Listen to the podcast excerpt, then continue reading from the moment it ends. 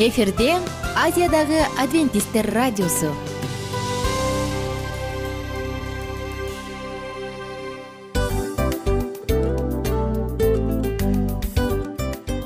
Достор салют. Баардык сүйүктүү угармандарыбызга салам айтабыз. Кутман күнүңүздөр менен. Ден соолук өмүрдүн булагы демекчи саламат саамы программасында баарыңыздарды көргөнүбүзгө абдан кубанычтабыз. Анда алгач амандашып өтөлү арбаңыздар деп. Ден соолугуңуздар кандай элибизде көбүнчө ден соолук кандай дегенде эле жакшы деп жооп беребиз э? ооруп турсак дагы жакшы дейбиз. Анан мен муну айтып ойлойт элем бул абдан сонун сөз депчи анткени бул жакшы деген үмүт да ооба баары жакшы болот. Баары сонун. Деп үмүттөнүп атып эле өзүбүздү өзүбүз дарылап коебуз.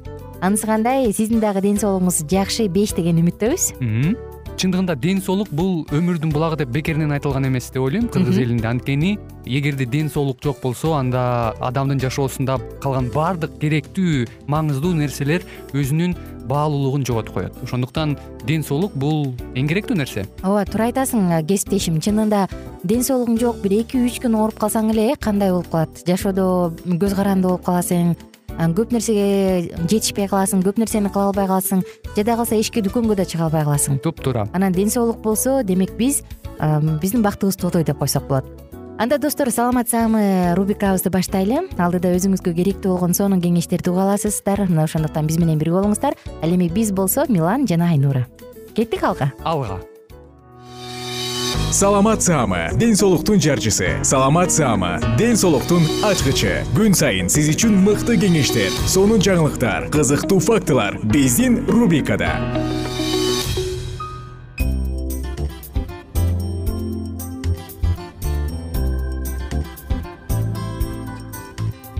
Салам достор. Эфирде саламат саамы рубрикасы микрофондо мен милан жана кесиптешим айнура сиздерге кызыктуу ден соолукка байланыштуу фактылар менен бөлүшкөнгө даярбыз салют досторике биз кайрадан жыштыктан баардыгыңыздарды укканыбызга кубанычтабыз угушканыбызга кубанычтабыз. Анда бүгүнкү тема мурункуда убада кылгандай эле семирүү менен күрөшүү жөнүндө сөз кылабыз. Семирип кеттим эмне кылсам болот?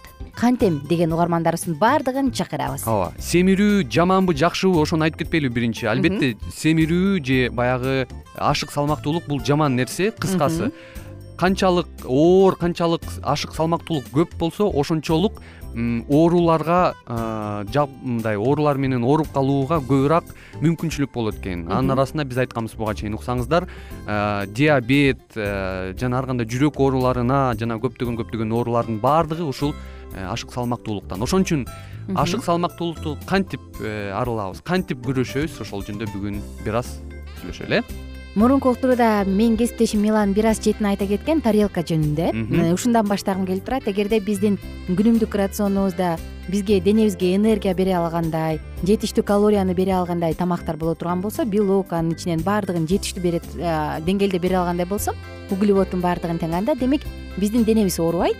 Биз баягы ай ал деген көтөрүм болуп калыптыр деп коет эмеспи ооба. Көтөрүм болбойбуз жана организм дагы витамин менен камсыз болот сиздин тарелкаңызда эмне болушу керек бир күндө? Сиз тамак жешиңиз керек. Анткени тамак бул биздин денебиздин талабы өзүнчө э? Тамак жеш керек. Бирок ошол эле учурда сиздин тамагыңызда сөзсүз түрдө жаңы чөп чарлар мөмө жемиштер жана жер жемиштер болушу шарт андан тышкары ошол аларды жеп анан бирок буга чейин биз жеп жүргөн майлуу тамактарды анан баягы ак ундан жасалган тамактар. Мисалы үчүн кесме же таттуулар мен кечээ эле кесме жасагам да.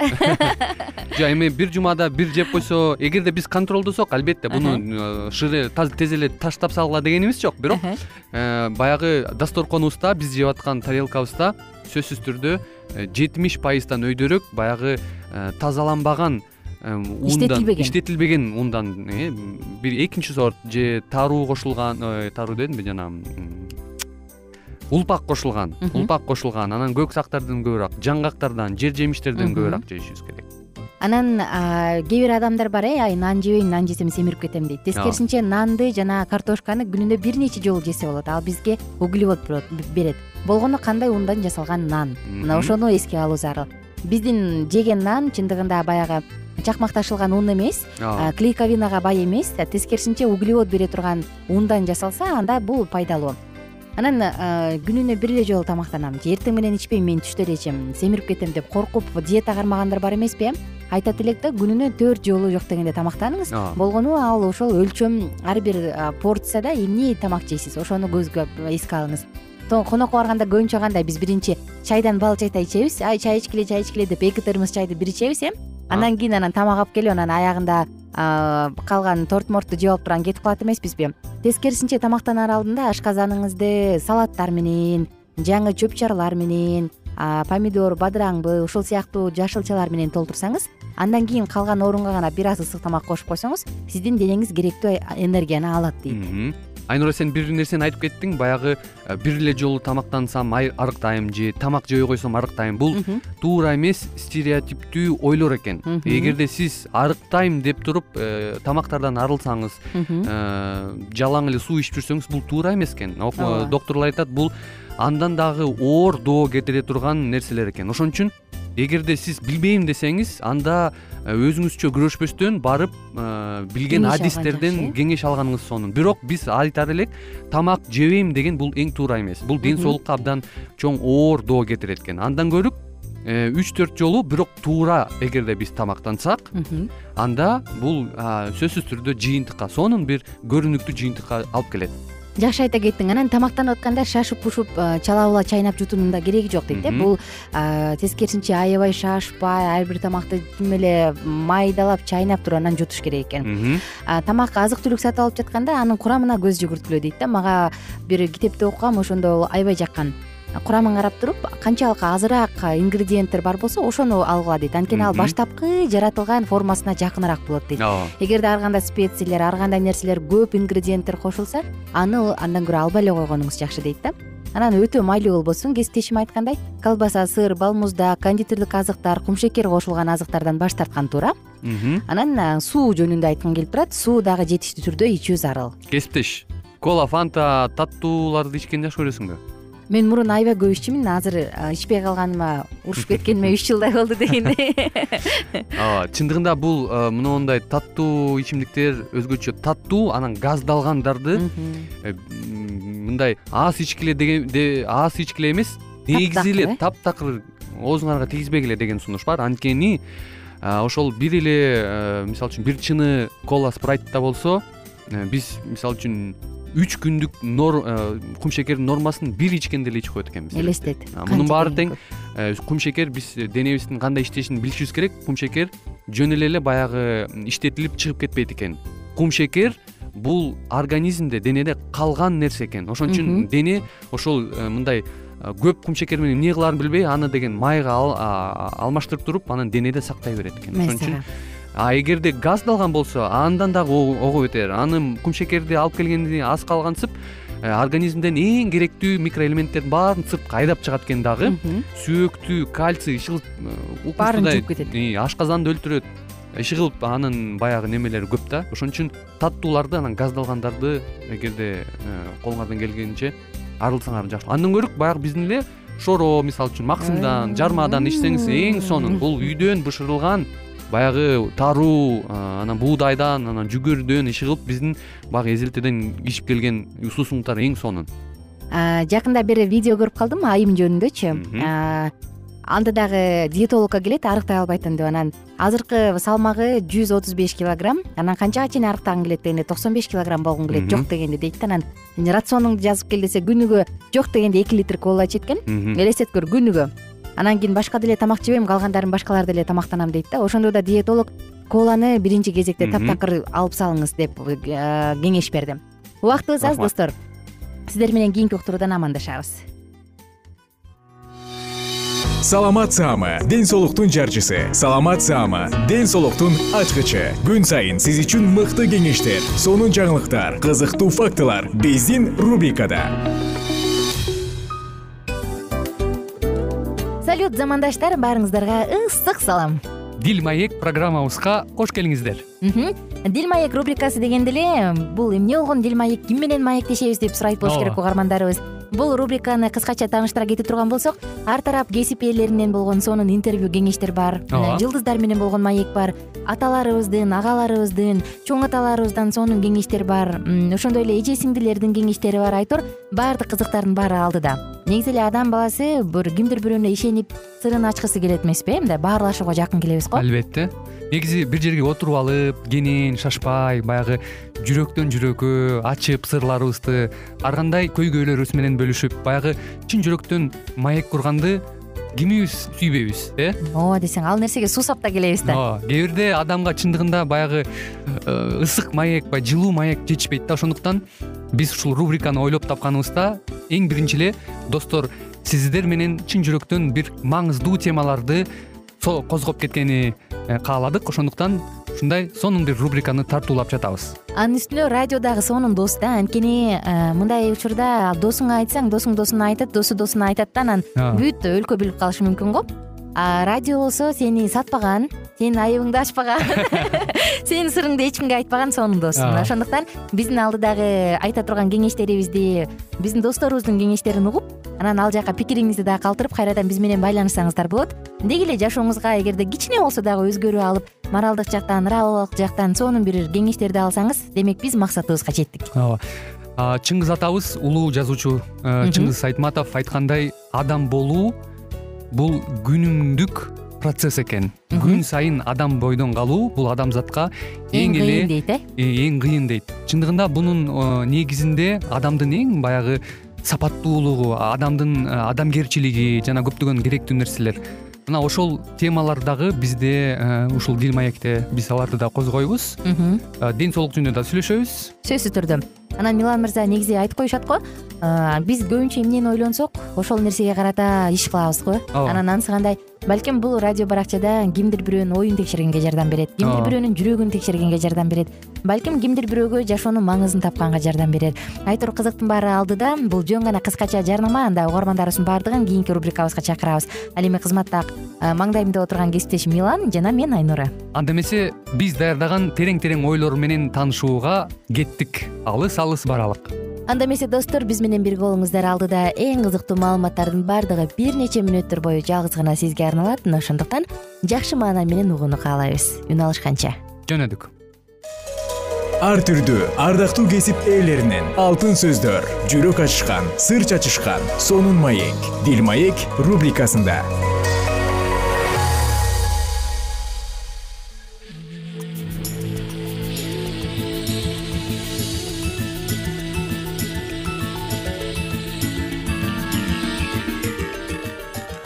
саламатсыздарбы кымбаттуу радио угуучуларыбыз. Кайрадан эле сиздердин назарыңыздарда бактылуу никенин баалуу эрежелери аттуу программабызды баштамакчыбыз. Бүгүнкү программабыздын чыгарылышында биз сиздер менен сүйлөшө турчу темабыз. Балдарга канткенде жетекчилик бере алабыз. Жана ошондой эле бала тарбиялоодо эмнелерди билүүбүз керек. Андыктан биздин одон алыстабай дал ушул мүнөттөрдө биз менен биргеликте болуңуз. Бир акылман айткандай силер баланы тарбиялап убара болбой эле койсоңор болот эң биринчиден силер өзүңөрдү тарбиялагыла анткени бала силерди көрүп чоңоет. Албетте бул туура. Анткени бала кичинекей кезинде эле ата энесин көрүп жана аларды туурап чоңоет. Айрым маданияттарда балдар ата энесине абдан ынак болушат жана кеңеш сурап ата энесине кайрылышат. Ал эми башка маданияттарда балдар көбүнчө курбу курдаштарынан кеңеш сурашат андай балдардын көп учурда өзү теңдүүлөргө кайрылганы ата энесинин кеп кеңешин баалабай калышына алып келет. Ал эми өспүрүм куракка келгенде ата энесинин айткандары аларга такыр эле таасир этпей калат. Бул таң калыштуу эмес. Анткени алар убактысынын көбүн башка балдар менен өткөргөндүктөн. Аларды мындайча айтканда ата энеси эмес өзү курдуу достор тарбиялап өстүргөн эле. Өзү курактуу достору тарбиялап өстүргөндөй эле болуп калат эмне үчүн балдар оңой эле ата энесинен алыстап курбу курдаштарына ынак болуп кетишет? Төмөнкүлөргө көңүл бурсак. Эң биринчиден эле бул мектеп болуп эсептелинет экен. Балдар убактысынын көбүн башка балдар менен өткөрсө аларга жакын болуп ата энесине караганда курдаштарынын оюн туура көрө башташы мүмкүн. Өспүрүм куракка келгенде мындай көз караш ого бетер күч алат. Балдар классташтарына эмес биринчи кезекте ата энесине жагууга умтулушу керек аз эле убакыт чогуу болуу көптөгөн жерлерде балдар мектептен келгенде атасы же апасы же экөө тең жумушта болгондуктан үйдө эч ким жок болот. Эр жете баштаганда балдар кандай кийинүүгө кандай сүйлөөгө жана кандай иш кылууга байланыштуу бирдей эрежелери бар жаштардын өзүнчө бир дүйнөсүнө аралаша баштайт. Аларга ата энесинин ою эмес курбу курдаштарынын ою маанилүү болуп калат ал эми соода саттык тармагы өндүрүп чыгарып жаткан көптөгөн нерселер.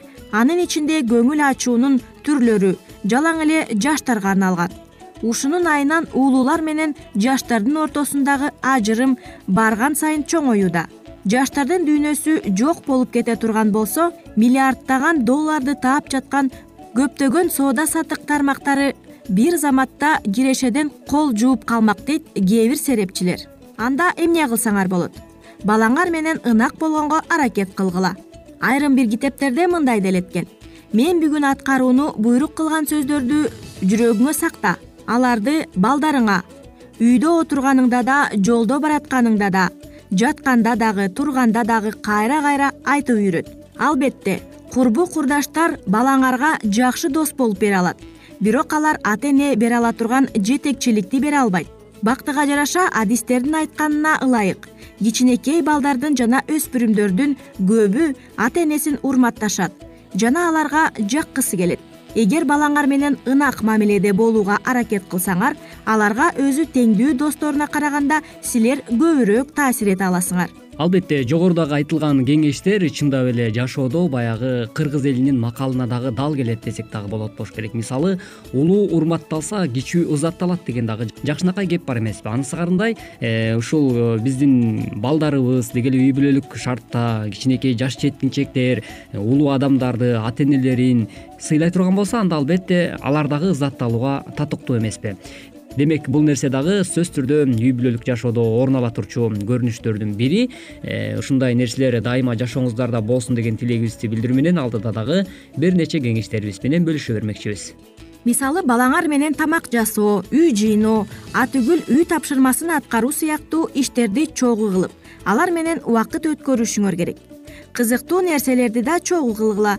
Мисалы оюндарды ойногула кино же телевизор көргүлө. Балдар менен кыска болсо да жакшы убакыт өткөрүп койсом ошол жетиштүү деп ойлобогула. Кыска эле убакыт көңүл бөлүү менен балаңарга ынак боло албайсыңар. Айрым ата энелер балдарынын көп достору бар экенине эле ыраазы болуп жүрө беришет. Албетте өзү теңдүүлөр менен достошкону аларга башкалар менен тил табышканга жардам берет. Бирок жетилиш үчүн алардын ар кандай курактагылар менен дос болгону жакшы. Көңүлгө алчу нерсе. Балдар зарыл кеп кеңешти жетекчиликти курбу курдаштарынан ала албайт. Анын мээримдүү ата энеси гана бере алат. Баланын достору айрым нерселерди жакшы билиши мүмкүн. Анткени менен аларда жашоого керектүү жөндөмдүүлүктөр турмуштук тажрыйба жана башка балдарга туура чечим чыгарууга жардам берген акылмандык жок ата энесинин жетекчилигине ылайык. Иш кылган балдар өздөрүнүн жашына жараша туура өсүп жетилишет чындап эле ушул жерден бизди э, тыңдап жаткан э, үй бүлөдөгү баардык эле э, кичинекей жаш муундарга бөбөктөрүбүзгө жаш жеткинчектерге балдарга дагы кайрылып кеткибиз келет. Демек ата энени бул жашоодо айтылган ар бир акыл насаатын кабыл алып сыйлай турган болсок анда биз келечекке кең кадам таштаган болот экенбиз. Мына ушул нерсени дагы урматтуу балдар силер дагы эч убакта унутпагыла деген тилегибиз менен сапарыбызды уланта бермекчибиз. Ал эми ардактуу ата энелер сиздер болсо балдардын ушул өсүп жетилүүсүндө сөзсүз түрдө жардам бергенге ар бирибиз милдеттүү экенбиз. Ошол эле жаатта биз балдарыбыз менен көбүрөөк убакыт өткөрүү менен биргеликте дагы алардын жан дүйнөсүн толугу менен түшүнүп жана алар менен достошконго дагы аракет кыла турган болсоңуз анда бул дагы бир жакшы ыкмалардын бири болуп саналат экен бул нерсени негизинен кичинекей куракта баштасак болот. Мисалга э, кичинекей баланы силер бала бакчага жөнөттүңөр дейли. Андан ал э, бала бакчадан келгенде үйдөн сураштырсаңар болот. Бүгүн э, күнүң кандай өттү? Бүгүн ким менен достоштуң? Ким менен урушуп кеттиң? Кандай конфликт болду деп. Анан бала ушул нерселерди айтып берип атып силер менен дос боло баштайт албетте биз ушул нерселерди кылуу аркылуу дагы урматтуу ата энелер балдарыбыздын жан дүйнөсүн тереңирээк тааныганга жана ошондой эле алар менен э, тереңирээк пикир алышууда дагы алар менен дос болгонго дагы жакшы бир көпөрө түзгөн болот экенбиз. Мына ушул нерселерди жашооңуздарда колдоно бериңиздер жана бүгүнкү айтылган ар бир кеңештер э, жашооңуздарда өзүнүн мыкты жемишин бере берсин деген тилек менен бизге бөлүнгөн убакыт дагы өз соңуна келип жетти кайрадан эле биз сиздер менен дал ушул аба толкундан үн алышканча ар бириңиздердин үй бүлөңүздөрдө ынтымактык болсун. Сак саламатта болуңуз. Ар түрдүү ардактуу кесип ээлеринен алтын сөздөр жүрөк ачышкан сыр чачышкан сонун маек дил маек рубрикасында. Жан дүйнөңдү байыткан жүрөгүңдү азыктанткан жашооңо маңыз тартуулаган жан азык рубрикасы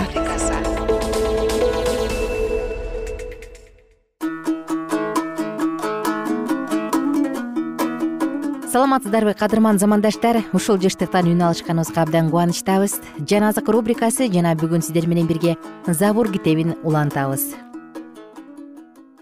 Тогузунчу забур. Улантабыз. Жыйырма экинчи аяттан баштап. Теңир эмне үчүн алыс турасың кайгы учурунда эмне үчүн өзүңдү жашырасың? Кудайсыз өзүнүн текебердиги менен жардыны куугунтуктап жатат. Алар өздөрүнүн ойлоп чыгарган айла амалдары менен колго түшсүн кудайсыз өз кумары менен мактанат мансапкор өзүн өзү урматтайт.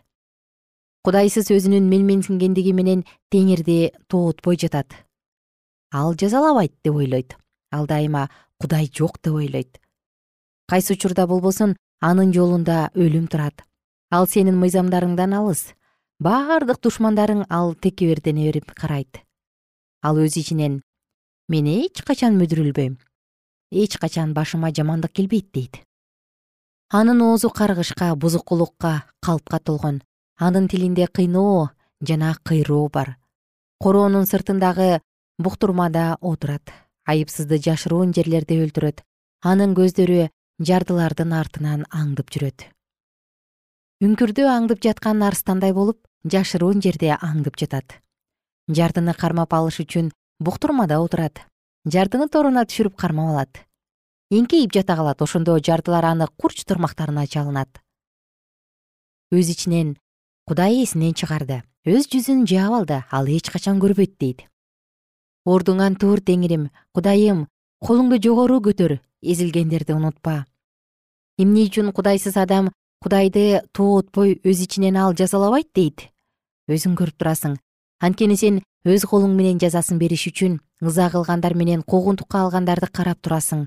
Жарды өзүң сага тапшырат жетимге өзүң гана жардам кыласың. Кудайсыз менен зулумдун күчүн талкала. Анын мыйзамсыздыгын издеп таппай калырсың. Теңир түбөлүктүү падыша. Анын жеринен бутпарастар жок болушат. Теңир момундардын тилеген тилегин угасың. Алардын жүрөгүн бекемде.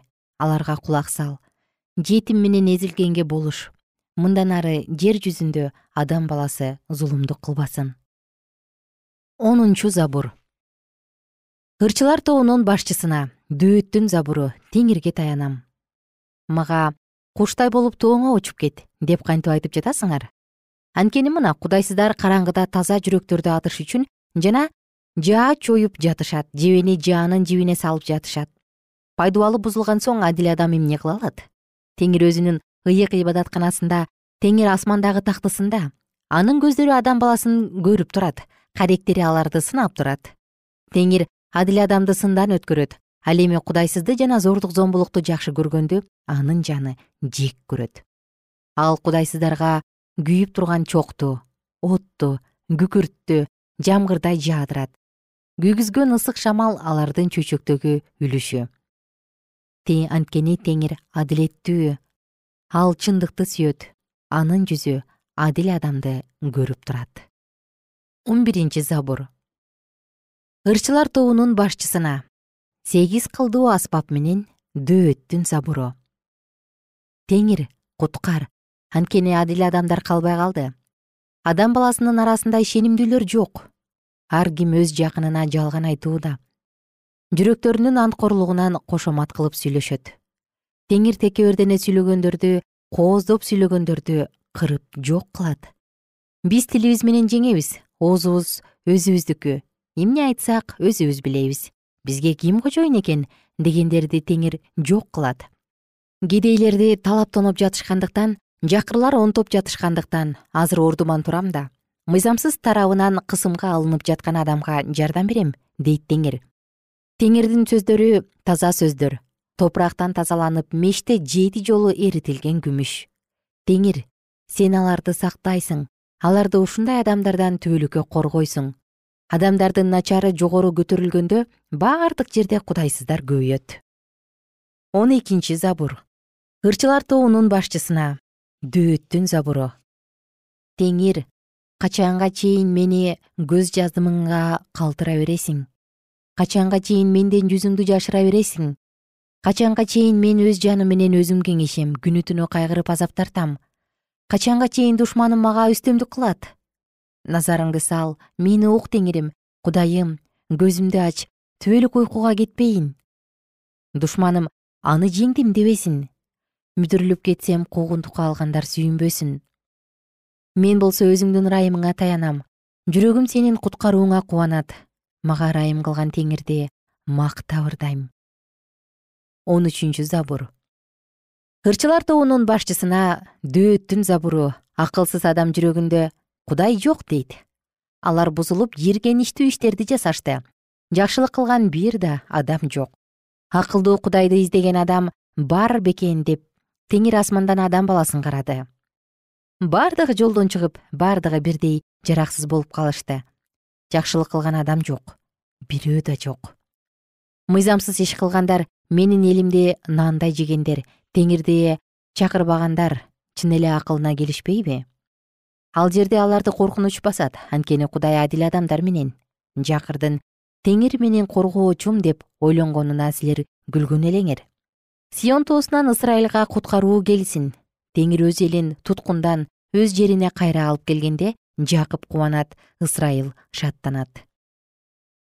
Он төртүнчү забур. Дөөттүн забуру. Теңир ким сенин турагыңда жашай алат? Ким сенин ыйыктууңдо тура алат? Күнөөсүз жашаган адилеттик кылган жүрөгүндө чындыкты сүйлөгөн ушак айтпаган жакынына кыянаттык кылбаган өз жакынын жамандаганды укпаган кудайдан баш тартканды жек көргөн ал эми кудайдан корккондорду сыйлаган зыян тартып калаарына карабай берген антынан таанбаган күмүшүн үстөккө берген айыпсызга каршы пара жебеген адам гана жашай алат. Ушундай адам гана эч качан мүдүрүлбөйт.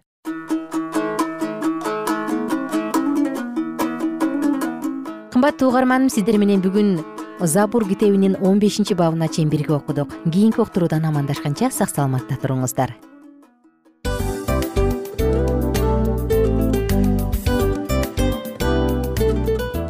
ушинтип убакыт дагы тез өтүп кетет экен биз дагы радио уктуруубуздун аягына келип жеттик. Келип кубандырдыңар эми кетип кубандыргыла деп тамашалап калышат эмеспи? Анысы кандай?